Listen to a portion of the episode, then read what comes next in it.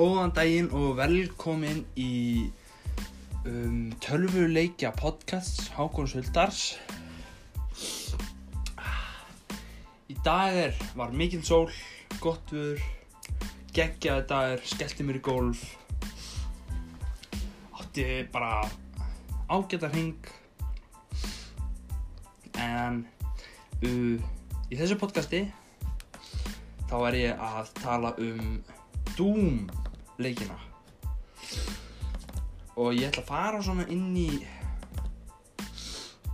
svona hvernig leikinir eru svona, hvernig eru spilaðir svona mín reynsla á leikjónum um svona svona smá fræðilegt því að ég gæti alveg hugsa mér svona þannig að svona að þessi leikur hefur alveg svona áhrif því að þetta er svona þetta er mjög svona mikið svona brútal og góri leikur um, það ég fjalla ekkert um neginn svona e-sports út af því að uh, ég held þess að ég kæfti í þessu en það gæti alveg verið því að það er alveg multiplayer í þessu. Ég hef bara aldrei hirt um það eða séð það. Og svona hvað eru svona margar útgáður sem voru seldar svona þegar þetta kom út? Því að þetta eru mjög gamli þetta eru svona, þetta er mjög gummul serja og svona og svona síðan gefið mitt álit á leiknum og svona hverji gætu svona haft gaman á honum. En allavega Doom er svona ok, hann var svona stílfærður fyrst svona sem Doom þetta uh, er stafað D, O og M. En fyrst kom hún út þannig að hann var uh, stort D, O, O, stort M. Og síðan var bara breytti í bara Doom með stórum stöðum og þetta er svona tölvuleika sérija og svona fjölmiðla frambóð sem var búin til af John Carmack, John Romero, Adrian Carmack, Kevin Cloud og Tom Hall. Um, þetta voru svona uh, þættir sem fjalla um svona hetjudagur ónefnds gemfara. Uh, ég vissi ekki fyrst að þetta verið þættir en það er allavega, til mynd á þessu sem, mynd sem ég séð. Það er svona geimfari sem starfar undir merkjum uh, Union uh, Aerospace Corporation UAC sem berstu uh, hjörð, djöfla og ódöðra til að bjarga jörðinni frá heimsenda innrás. Já og það er svona, þetta er bara svona ingangurinn. Og svona upprunalegi svona Doom er talinn einn af svona fyrstu brautriðjandi fyrstu persónu skotleikjunum. Uh, þar sem hann kynir uh, EBM sem er svona samhæfðar uh, tölfur eiginleika eins og svona 3D grafík. Það er svona fyrsti svona þannig svona þriðju vittar rýmisleikurinn. Svona netkerfisbundin svona fjölspilunarleikur og stöðningur við, við breytingar sem leikar var búið til með um, Doom Vaff AD sniðinu. Þetta er eitthvað sem ég veit ekkert um og þetta er, þetta er alveg gammalt svona yfir 10 miljónir eintak af leikjum í Doom sérunni það var selst uh, serían hefur uh, alveg af sér fjölmarkar uh, framhaldsmyndir skáltsugur, teiknumyndasugur, borðspil og kvikmynda svona aðlögun. Uh, ég er bara að sé eina mynd uh, sem að kom út hérna tjekka hann hérna uh, Doom það er myndin um Dwayne Johnson, uh, Rosamund Pike og Carl Urban. Þetta er svona, þetta er alveg þekkti leikarar. Og myndin kom út árið 2005 á Íslandi og já, þetta var svona myndin sem snýrist um svona smá leikina. Myndin fekk ekki eitthvað rosalega góða dóma og svona hún endar með skringina með svona, svona leiðilu atriði það er alveg ekki svona skemmtilegur endir. En eða dumtölvuleikin er samstanda af svona fyrstu persónu skotleikjum þar sem spilarinn stjórnar svona stjórnar þessum gemfara sem að aðdáendur svona kalla hann oft hann svona hann hét ekki neitt en svona hann var bara þeir sem að spila þetta og horfa á myndirnar þeir bara kölluð hann Doom Guy. Uh, í 2016 seríunni er söguhetjan kallið uh, Doom Slayer. Það voru svona gefinu nafn eða bara Slayer. Og svona spilarinn svona, hann er að berjast við svona öll, uh, undirheimana helvitis sem samanstendur af uh, djöflum og svona ódöðum svona, þetta er bara svona zombies. Þetta er svona meira skrimsli en svona uh, typical zombie svona uppvakningur. Þetta er meira svona, svona reist og skrimsli kannski með horn eða eitthvað svona þannig. Og leikinnir eru svona venjulega settir á svona viðáttum miklum svona bækistöðum á svona um, stöðum á Mars. Þetta er svona, þetta er svona mikið kringum Mars. Djöflarnir eru það og eða til dæmis á tunglunu það var eitthvað með það líka. Á meðan sömur hlutir gerast í, í, í helviti sjálfu og klassíska serían hafði aðeins svona takmarka áherslu á söguna. Uh, mikið af henni var til staðan í handbókum frekar en leikjumnum sjálfum. Þannig að það var svona meira meira svona lór í bókunum. Uh, það var var rosa lítið lór í 2016 leiknum. En síðan kom uh, annar leikur sem heitir Doom Eternal sem var bara framhald af 2016 og þá var svona sínt svona aðeins meira lore svona aðeins meira hvaðan þessi Doom-gæði kemur. Og vonandi finn ég það á eftir því að það er langt síðan ég spilaði og svona svona nýri titlar svona 2016 sérinni mér myndi leggja meira áherslu á svona frásögn en sögunni. Uh, nýjasti leikurinn heitir Doom Eternal hann kom út 2020 hann hann var, að, veist, þetta er eiginlega bara svona hann var eiginlega næst í eins og 2016 leikurinn. Bara svona en þetta er svona, það er rosari tónlist í leiknum og þetta er bara svona leikur sem er bara, það er alltaf eitthvað í gangi. Og síðan fara eitthvað skil kvild og síðan fyrir bara inn í eitthvað annað herbyggi og þá er bara, bara action, rock tónlist. Bara þetta er geggjað soundtrack sem er í þessum leik. Mæli bara með að hlusta á. það finnum upp á þetta bara, bara svona doom eitthvað soundtrack eða eitthvað. Og svona uh, svona upprunalegi leikurinn hann inniheld svona alls átta vopn. Þannig hönnu að ekkert vopn var svona úrelt eftir kaup á öðru. Og svona með því að spilarinn ber öll þessu vopn í einu er hægt að beita stefninu um byssu flakk þá bara svona í miðjum slag þá getur bara skipt um byssu til þess að það koma með eitthvað svona combo eitthvað svona þannig að eða svona eða rennur út af ammói og þá getur svona skipt hratt eða svona eftir aðstæðum.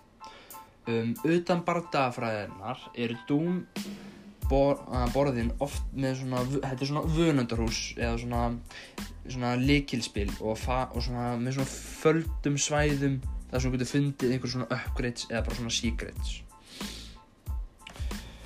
Sem að já, vegna tæknilegra takmarkana gatt uh, leikmaðurinn ekki hoppað eða hort upp og niður í klassíkuseríunni það sem eiginlega var bætt bara svona í nýra sinna. Þá var þetta bara, þú veist, basically gæti ekki hort upp e- eða hoppað þegar veist, þetta var bara svona þetta var bara svona lárétt og síðan varstu bara að hlaupa um og svona þannig. Um, þróun svona upprænlega Doom hófst árið 1992 þegar John Carmack þróaði nýja svona leikjavél. Uh, Doom-vélinn á meðan restin af ID software teiminu kláraði uh, Wolfenstein 3D forsöguna. Uh, Valdur heyrðum hana uh, Spear of Destiny. Uh, leikurinn kom á, á markað í þáttaformi árið 1993 með fyrsta þættunum sem svona deili hugbúnaðar og tveir þættir í viðbót svona fáanlegir í svona postpöntun þannig að þú gast fengið tvo auka þætti ef þú forpantar hann. Mér sýnist að, já, fyrsti þáttunum var að miklu leiti hannar af John Romero og svona reyndi skriðalega svona vinsæll þar sem uh, heildarútgáfan af leiknum seldist í 1 miljón eintaka. Hugtakið uh, Doom Clone var nafni fyrir nýja tegund sem nú er þekkt sem fyrstu persónu skotleikur í nokkur ár. Þetta er svona upprunnin af öllum þessum nýju skotleikum til dæmis þess að Call of Duty eða eitthvað svona þannig sem er, sem er bara, ég vissi þetta ekki sko. En ég til dæmis spila mikið spila mikið Call of Duty ég, eða svona first person shooter ég er svona mjög svona competitive í þeim leikjum. Það var svona aðaleikinn sem ég spilaði. Og að vita þetta þá bara svona já þetta er geggjað, veist, þetta er að koma af. Mér finnst Doom bara geggjaðir geggjur svona sér þetta er svona þetta er svona minn stíl þessi leikur. Svona, þetta er single player leikur, þetta er bara, ég er bara svona campaign. En þótt að ég fíla meira svona multiplayer en þá er þetta bara svona ákvörðað leikur fyrir mig til þess að spila og Doom 2 Hell on Earth var gefin út árið 1994 um, eingöngu í svona auglýsingarsniði um, aðeins voru gerðar uh, smávægilegar breytingar á teknílu stíi leikurinn innihjælt hins vegar uh, nýja óvinni nýtt uh, sem að Super Shotgun vopn og flóknari borð. Leiknum var fyllt eftir með stækkun árið 1995 sem bar uh, yfirskriftina Master Levels for Doom 2 sem bætti við 20 stigum til viðbótar. Fjórða þættunum var bætt við upprunalega leikin með endur útgáfinni 1995 þá þegar að vera að tala um þætti þá ég held fyrst að þetta var að tala um bara basically TV show en þetta er basically bara þættir sem þú spilar í tölvunni ef ég er að fá rétt út frá 1995 var ID Software einbeitt að þróun nýja uh, Quake 3 leiksins sem fyrirtæki myndi þróa seint á tíunda áratöknum um, hins vegar eru þau tveir leikir til viðbótar gefnur út á næstu árum. Að mestu þróaðar af hóp, hópum þriðja aðala undir eftirliti ID ID Software þá. Fyrsta þeirra var uh, Final Doom sem held, eh, innihjalt 64 stig byggð á Doom 2 vélinni uh, skiplögð í tvo þætti svona TNT er uh, Evolution var þróað af modding hópnum. Veit veit ekki svona alveg hvað, það, hvað við erum komin í núna. Team TNT og lauk í november uh, 1995 en annar þátturinn The Plutonic Experiment var þróað af Dario og Milo Casali TNT og lauk í janúar 1996 um, Midway Games þróaði Doom 64 undir eftirliti auðkennis til útgáfu árið 1997 Titillin innihjalt uh, nýja vél með starri sprites og meiri gæða áferð þá svona var að byrja að koma með þessa gæð, meiri, miklu betri gæði. Því að maður ég er bara svona að sjá svona smá brot úr fyrir leikjunum og þá er þetta bara svona þetta er svona þetta er bara svona eins og þú setja að horfa á 3D í sjónvarpi ekki með gleru, svona þetta er bara svona pixlað. Uh, ID lefði ekki að tillin yrði kallaður uh, Doom 3 þar sem nafnið var frátekið fyrir hugsanlega endurkomu í kostningaréttin eftir þróun af Quake. Já þetta er eitthvað sem að þetta er eitthvað svona nýtt fyrir mér. Þetta er eitthvað svona alveg nýtt og væri til að skoða aðeins betur en hérna já þeir, allavega þeir hættu við uh, leik fjögur. Bótt út af því að þetta var svona þeir urðu þetta var svona urðu ekki jafn svona vinsælir á þessum tíma. En síðan hérna kom Reboot árið 2016 sem ég ætla að tala um aðeins núna sem er eiginlega eiginlega Doom 4 en, er bara, en hann er bara svona hann er bara fyrsti Doom leikurinn eiginlega bara. Ef að ég er, ég fæ rétt út úr því þá er þetta eiginlega bara svona eins og fyrsti Doom leikurinn svona, eftir að Doom 4 verkefni var hætt árið 2013 uh, sagði Village að næsti leikur í Doom-sérinu væri enn í svona brenni deppli liðsins. Um, Hugo Martin þetta er, veist, þetta er, ég er að nefna fólk núna sem ég veit ekki einu sinni hver eru. Þetta er bara töluleikja hönnur og verkefnið var tilkynnt einfallega sem Doom árið 2014 og var gefið út til almennt jákvæðara móttökur árið 2016 já dyrð drepa velvirki og fleiri vettfangs aðgerðir voru meðal helstu viðbúta við spilun. Uh, Fjölspyrunastilling leiksins fekk þrjár litlar DLC útgáður á fyrsta ári og allar þrjár voru síðan gefnar út ókipis með 60,66 uppfærslunni það 19. júli 2017. Hattan kom það. Þetta var uh, leikur, uh, dómleikur sem ég spilaði og ég vissi ekki að, veri, að það hefði komið svona DLC útgáfur ég vissi allan ekki að það hefði verið fríar annars hefði ég viljað spila það. En það er allan að þannig já, þá fekk þetta svona DLC útgáfur. Þá er þetta basically þú downloadar eitthvað svona DLC pakka bara pakki 1, pakki 2, pakki 3 það er svona þú færð kannski þú færð meira af sögu meiri borð og svona þannig. Sem er, sem er mikið svona sett inn í leiki nú til dags svona leikir er gefnur út og sem kannski eftir 6 mánuði eða 3 mánuði þá gefur DLC pakki svo fólk komi aftur og spila leikin og bara eitthvað svona þannig. Eins og ég held ég eftir að tala um uh, Marvel Spiderman. Nó, já ég eftir að tala um Marvel Spiderman. Og það er til dæmis, þar voru gefnir DLC pakkar og Kod var líka með DLC pakka. Uh, ég kefti þá pakka svona aðalega til þess að spila önnur zombium upp en já og síðan komur svona önnur multiplayer upp í þessu og kannski einhver bissa og svona.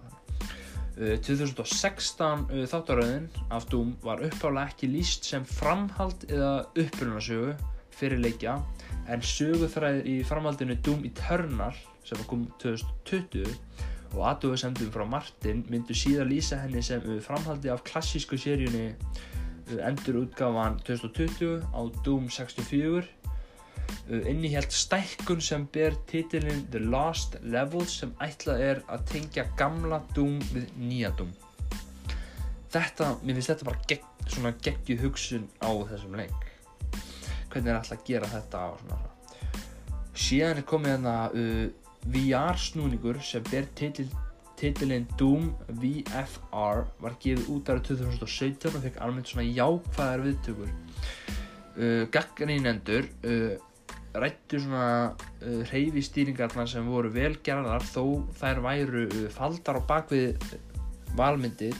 Leikurinn var með herrferð fyrir einn leikmann og endur notaði óvinni og aðrar eignir frá 2016 leiknum. Um, já, svona 2016 leikurinn það er alveg óvinnir, sömu óvinnir í 2020 leiknum. En þú veist, þeir líti kannski aðeins öðru út því það er kannski svona bæting í gæðunum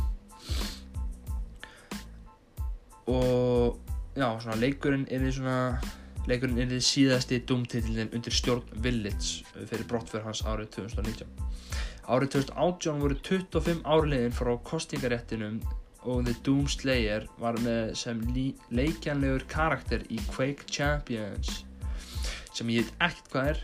Uh, það ár tilkynnti John Romero einnig uh, Sigil óopinberan fymta þátt af upprunalega leiknum frá 1993 þátturum var gefin út ókeppis gegnum vefsíður Romero árið 2019 með gjaldskildri útgáfu í bóði sem innihjalt hljóðrós eftir Buckethead þó Sigil hafi verið uh, þráa sjálfstætt bætti Bethesda þættinum við leikjatölvuhöfn Doom sem ókeppis plástur í oktober á samt tveimur köplum uh, Final Doom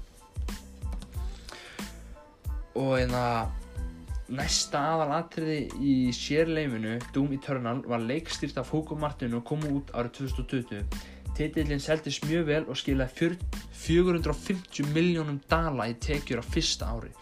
Það er rosalega penningur og meðan við leikur sem kannski var ekki mikið talað um bara í mörg ár. Þú veist 2016 útgáman var ekkert eitthvað rosalega vinsæl þegar hún kom út. Þetta, já fyrsta ári og tvöfalda uh, kynningartekjur fyrir titil fyrir, fyrir tit, titilisins já ég veit tvöfalda tekjunar á fyrir titilinum á einu ári. Það er rosalegt.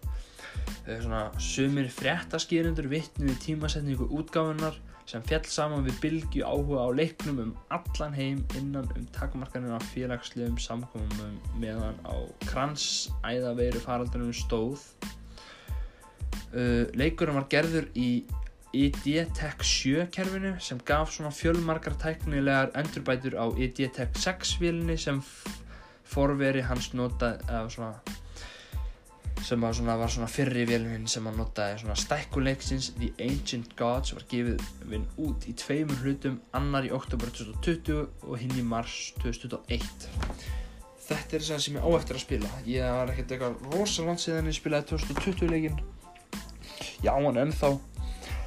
Og já, já bara eftir að checka á þessu.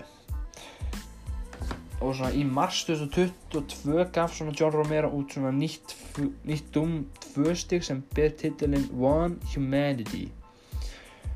Um, ágóðan af borðinu var gefin sem mannúðaraðstór fyrir Úkrænu innan rússa innrásar. Stíði var það fyrsta fyrir Doom 2 hannaði af Romero síðan 1994 og hækkaði uh, 25.000 eurur fyrir 7. mars.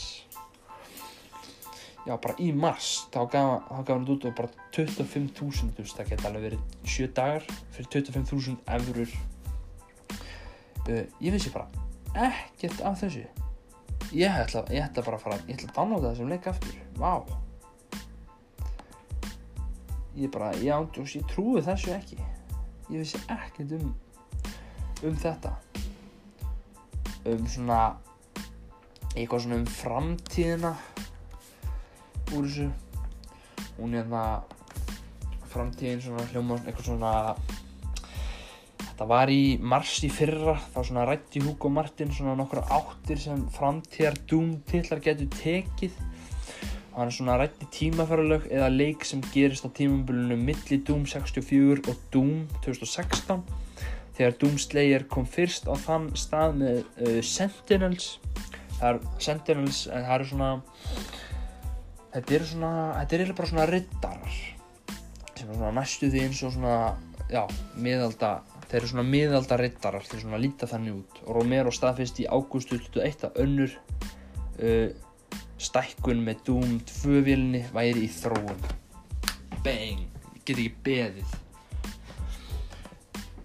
Maður bara, maður er alltaf að læra eitthvað nýtt hérna. Og ef ég læri, ef ég tala kannski um hérna, hvað gameplayið. Ef ég finn eh, kannski ef ég finn það hérna. Ég veit alveg hvernig það er ok, ég bara kannski talaði bara um það. Um, þetta er sem sagt þú leikur þennan gemfara sem að ok, ég ætla að tala bara um, um nýjasta leikin bara Doom Eternal. Um, þú leik þessi ok, þessi gæi hann er, hann er mannlegur en hann er bara svona eins og superhuman. Það er aðeins farið yfir það í myndinni sem að koma út árið 2005 þá er þetta þá er þetta þannig að í þeirri mynd þá er, þessi, þá er þetta sírum sem að held að þeir voru að þróa. Og það sírum uh, var greinlega þannig að það gefur uh, hjarta, svona hjarta góðu manni svona, sem er með hreint hjarta það gefur honum styrk, hraða uh, fljóðar hugsun, bara svona þú verður eiginlega bara svona næstu eins og Captain America. En síðan kannski svona ef þú ert ekki svona með hreint hjarta þá breytust í bara djöfiðlega eitthvað þannig. Það er ekki alveg hvernig leikinnir eru en þann, þannig er allan að þannig, hann, þannig er Doomgæðin sko, það er Doomslayerinn hann er eiginlega bara svona Captain America. Hann er superhuman, hann er ógeðslega sterkur með endalust stamina ógeðslega mjög hraður og svona þannig. Um, þetta er svona þannig þú, er, þú ert eiginlega bara að fara í gegnum borð og hverju svona svæði þá er þetta bara, er bara svona þetta er eiginlega bara svona battula rína það sem að allt í hennu kom bara heading af uh, djöflum og þú leikur snýst mikið um að halda reyfingu stanslöst svo uh, djöflanir hitti ekki á meðan þú ert að skjóta á þá og síðan í nýja leiknum þá voru bætt inn hérna það eru hérna vopnin. Um, ég þarf aðeins að finna hérna nöfnin á þeim öllum. En það er alveg hana, ok það var ballista. Ballista, þetta er eiginlega bara svona þetta er nánast svona þetta er svona framtíðar lásabói sem það skýtur eiginlega bara út svona gissla og síðan er þannig að þú getur farið svona að fundið svona leynilega staði í hverju borði þess að þú getur uh, uppgreita byssuna þarna eða fengið svona modda á hana. Og þá var kannski á ballistana þá kannski chargea hann upp fyrir bara einn rosalega bím eða kannski bara bím sem að fer svona láréttur í gegnum og tekur þá bara alla sem hann hittir. Og síðan er það bissa sem er hún er rosalega vinsæl í þessum dumleikjum og hún heitir BFG og í nýjanesta leikunum þá heitir hún BFG 9000 þeir eru aðeins stærri enn í hinuleikjunum en BFG án, bara ándjóks stendur fyrir Big Fucking Gun. Og þessi bissa í, í leikjunum hún er notuð þannig að hún er eiginlega bara notuð alveg í neyð. Bara ef þú ert að fara að deyja þá notar hana það bara skýtur þú reistunum grænum bolta sem að drepa bara allt í kringu þig. Og þú ert bara með þrjú skot í henni og það og það, þú veist, þú finnur ekkert skot í hana bara hvar sem er. Þú bara uh, þú getur kannski að finna eitt skot í hverju borði að minna, það er kannski ekkert öll það er ekkert alltaf skot í borðinu. Uh, síðan er minigun sem að er með svona mod upgrade það sem að þú getur sett svona skjöld fyrir fram að þig eða nota hana bara basically eins og turret þá bara set, skiptur hún sér tvo parta þú getur ekki hreift þig og þá bara svona skýtur svona eins og turret ég veit ekki hvað ég tala um? Um, svona er svona vinsarasta byssan til þess að nota sem að maður fekk svona fyrsta góða byssan í leik 1 og 2 það var Combat Shotgun. Þetta var, þetta var eiginlega bara svona semi-auto haglabissa sem að þú gæst sett á eiginlega bara svona um, þú gæst sett hann á auto með móti eða uh, grenade launcher. Það var hann á móta þetta er alveg nokk, já, mitt, wow, hvað ok, þetta er rosalega mikið á vopnum í þessum leik, en já. Uh, Doomblade, það var eiginlega bara svona eða þessi Predator þá, eru þeir með hnífa sem koma út úr, þess að koma bara svona með fram hendinni. Og það var eiginlega bara svona eins og það var eins og það er það kom bara svona, það er bara svona fast á hendinni og síðan bara ítir hann því út þegar hann vil þerfi okkur og síðan var það bætt í nýja leikin uh, þetta heitir bara Equipment Launcher sem að þú bara kasta grenade uh, stönn uh, klakasprengju sem að frýsa allt í kringu þig. Og það var bara svona bætt inn í nýjasta leikinn bara svona til þess að hafa svona meira chaos meira að gera, meira, meira að hugsa. Þú vart að nota uh, svona materialiðin meira. Um, síðan var það heavy cannon uh, ég man ekki eftir að heavy cannon í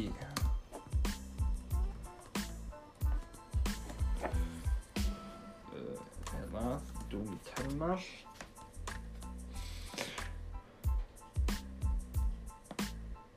Ó Ó, þetta var bara, ó, þetta var sem sagt bara Heavy Cannon var eiginlega bara venjulegur uh, assault rifle. Sem að þú já, sem að þú gæst verið með uh, breyti sniper eða eða nota eiginlega bara svona sem missiles. Uh, næsta vopn það er Meat Hook, Hook. en ég kemur það eftir smá því að það er mod á byssu. Uh, Plasma Rifle.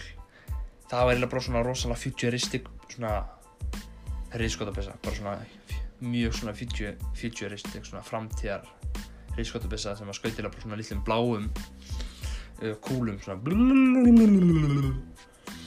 og já og síðan var hérna uh, Rocket Launcher sem er bara bazooka.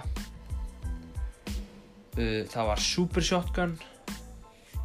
Og það var svona það er svona, það er tvíhleipa og það er bara svona hún gerir heldur svona mesta damageið.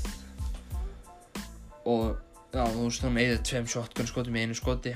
Og það var mod sem var á henni sem heitir MeTook það sem gafst uh, skotið króknum í eitthvað tóðið til hans og skotið hann á leiðinni þú veist, það veist, rosalega cool. Þetta var svona þannig, þú, vild, þú vildi bara halda á stanslösri reyfingu til þess að enginn uh, ná að drepa þig eða hitta þig svona, og missir ekkert líf. Og síðan var hérna bætt inn í hérna út af sögunni uh, The Crucible.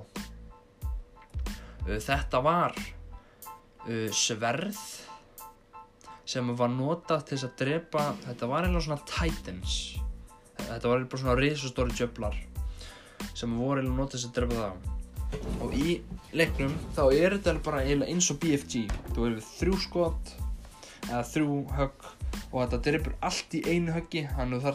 En það er miklu fleiri uh, þú getur fundið miklu fleiri svona skot af þessu. En veist þetta er risastórt rautt sverð sem þú færði leiknum. Og síðan er það Unmaker sem er bissa sem að þú færð fyrir að finna finna einhverja likla í hverju mappi. Og ég náði aldrei að nota hana en hún notar uh, hún og BFG nota sama amóið þannig að þetta er þannig að BFG notar 30 skot í einu. Þú getur verið með 90 ég held að þetta er úst, bara einu skoti í hverju en þú veist þetta er ekki, allt, þetta er ekki alltaf eitt skot döðir og síðan, já þetta var svona þannig. Þú varst með líf, þú varst með armor og gæst fengið meira armor, meira líf og gæst haldið á fleiri skotum eða þú fannst það. Þú veist, eða fannst eitthvað þannig. Og já, og þú varst með uh, þú varst með uh, eldvörpu svona flamethrower sem að þú ef þú kveiktir í, í skrimslum og drafstau þá droppaði skildi sem þú tekur síðan. Og síðan já. Þannig að þetta er svona mikið svona hugsa og sér á ég er lítill skildur kveikið þessum drepp þá fæ ég hellinga skildi tilbaka. Þetta er svona mikið svona hugsa uh, reyna haldar á lífi haldar á reyfingu bara ándjóks hlaupa út um allt í þessu arína sem þú ert í hoppa út um allt bara nota allt það er til dæmis um, það eru svona hlið sem getur að fara í gegnum það er hlið einhver staðar í arínanu og ef færið í það þá færið út um hlið sem var annar staðar í arínanu þetta er svona mikið og síðan er svona þú ert ekki slást þá er þetta kannski mikið svona svona púsluspill það sem þú ert að gera. Svona að hugsa svona að hvernig kemst ég þangað? Hvað hefur ég að gera til þess að komast þangað? og svona þannig. Já en þetta er mjög svona skemmtileg saga. Og hún svona snýst aðan um að það er heimsendir og þú ert eiginlega bara one man army. Bara svona bókstaflega. Sem að, já þú ert bara þessi dumslegir og séðan kannski þú fengið svona öðruvísi búninga í þessu og eitthvað þannig. Fyrir þetta í hérna svona mín eigin reynsla uh, ég spilaði hann í Playstation 4 uh, 2016 leikin og þegar ég spilaði hann þá þá var ég ógæslega hrættur að spila hann út af því að þú veist ég vissi ekkert betur. Ég ætti kannski ekkert að vera að spila hann því þetta er mjög blóðugur leikur og svona mjög svona brútal okkar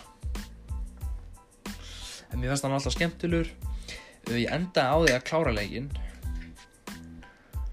og síðan í 2020 leiknum þá er svona, já hann er svona aðeins svona lífle, líflegri, svona aðeins bjartari uh, með fleiri óvinnum og þetta er svona þannig, uh, sem er óvinnir þú að kannski betra nota þessa bessu í hana eða eitthvað svona þannig.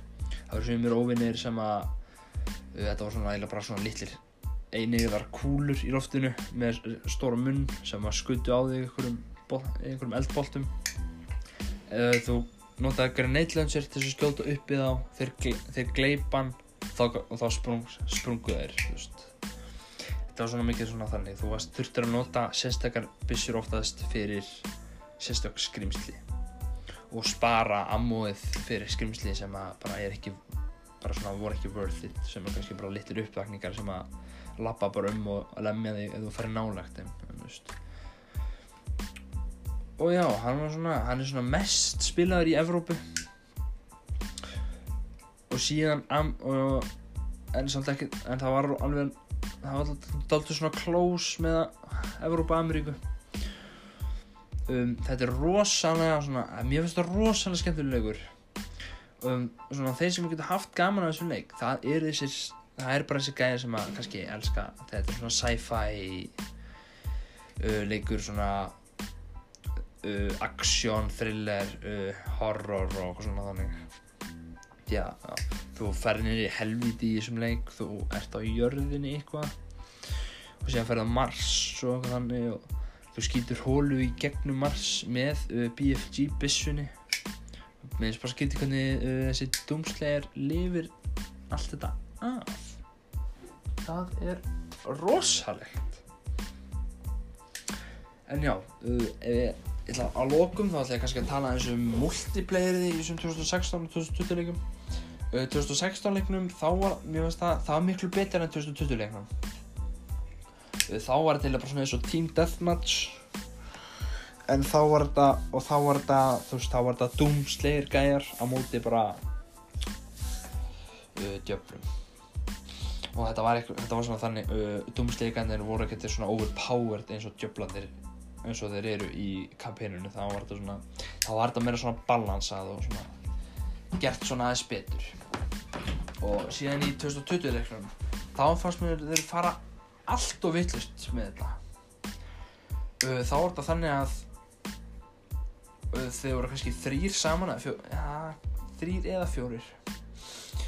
Og það var einn sem leik Doom-gæjan og sem var einn sem var svona hann leik ekkert sérstaklega gæja en hann leik svona hans, það var hann sem að spónaði djöfla eða skrimsli og hann gæti tekið yfir eitthvað skrimsli til þess að berjast eða svona til þess að vera svona hjálpa þeim að berjast. En með hvernig ég sá þetta þá var eiginlega bara ekkert hægt að drepa þennan dumsleir gæja. Út af því að það, hann er alltaf overpowered og svona þannig það er það sem að mér þeir fórilega bara svona vittlust að. Þegar það kom að þessu sko.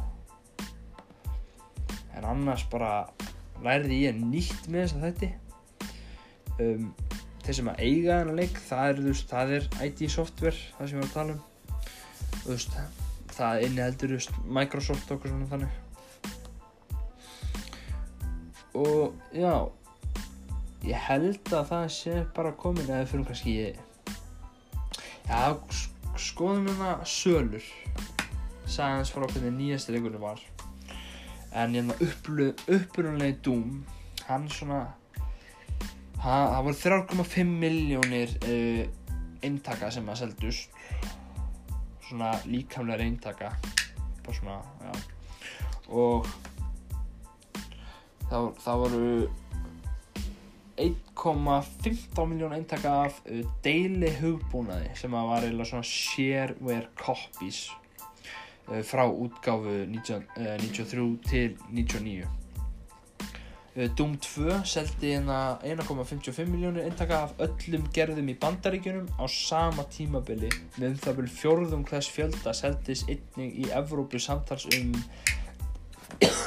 fyrir ég 5,5-6 miljónir uh, sölur fyrir upprannlegu tvífariðina um, Doom 3 seldist í 3,5 miljónum eintaka á mörgum eintökum af svona stækkunapakkanum hérna, sem er heitið Resurrection of Evil frá útgáfið 2004 til 2007 og það er þessi DLC pakkar sem maður búið að tala um. Um sem að gerir hana svona farsælasta leik seríunar á þeim tímaponti Saladum 64 um, hún var ekki gefin upp. Ég finn, uh, ég finn hana hvergi.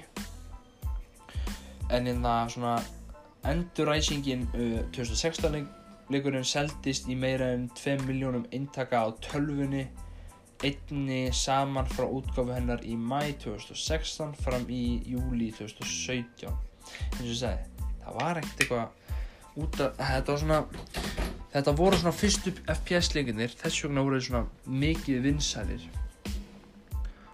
En síðan eins og 2016 það var það, þú veist en þú veist, hann seldist í 2 miljónum intaka bara á PC síðan bætist eitthvað það í Playstation og svona. En allavega hann að leikinnir byrji svona leikinnir voru fyrst hérna þá var þetta fyrsti leikurinn kom ég alveg út af á öllum tölvum. Næsti leikur PC Xbox. Síðan, næsti, uh, síðan var næsti leikur uh, Xbox PC og síðan var það líka í 2016 þá 2016 þá var það eiginlega bara svona já þá var það Playstation 4 og Playstation 3 líka svona. En mér sýnist uh, Xbox vera svona já það er svona flest það var svona vinsællari í Xbox og það er frá þú veist já, það er frá könnun uh, janúar uh, 2001 já núna er ég búinn að fara í mjög mikið og síðan eru svona spin-off leikir eins og um, Doom RPG Doom Resurrection Doom 2 RPG uh, Doom 3 BFG Edition síðan kannski Doom Annihilation. Já, neða, það er mynd. Já, herðu já, já, já, já Doom Annihilation, ef við googla það Annihilation. Ég er ekki búinn að sjá hana ef við skoða hana já, já, já, já, já, já. Ég ætla að skoða hana. En það er komið að lokum hjá okkur í, í dag. Eða í kvöld. Það er alveg fallegt við úti ennþá. En því mjög þá þurfum við að hætta. Þetta hefur verið tölvuleikja podcast Sákus Vildars. Og við sjáumst í næsta þætti. Þar sem að ég á annarkort eftir að fjalla um uh, Super Mario, uh, Dead by Daylight, uh, Minecraft, GTA, uh, Tetris eða Pac-Man. Tetris og Pac-Man þeir voru teknir saman og þetta er svona leikir, gamli leikir sem að ég veit ekkert mikið um. Vonandi finn ég nóg til þess að hafa sem eiginlega heilan þátt, ekki stuttan þátt. En já, takk fyrir að hlusta.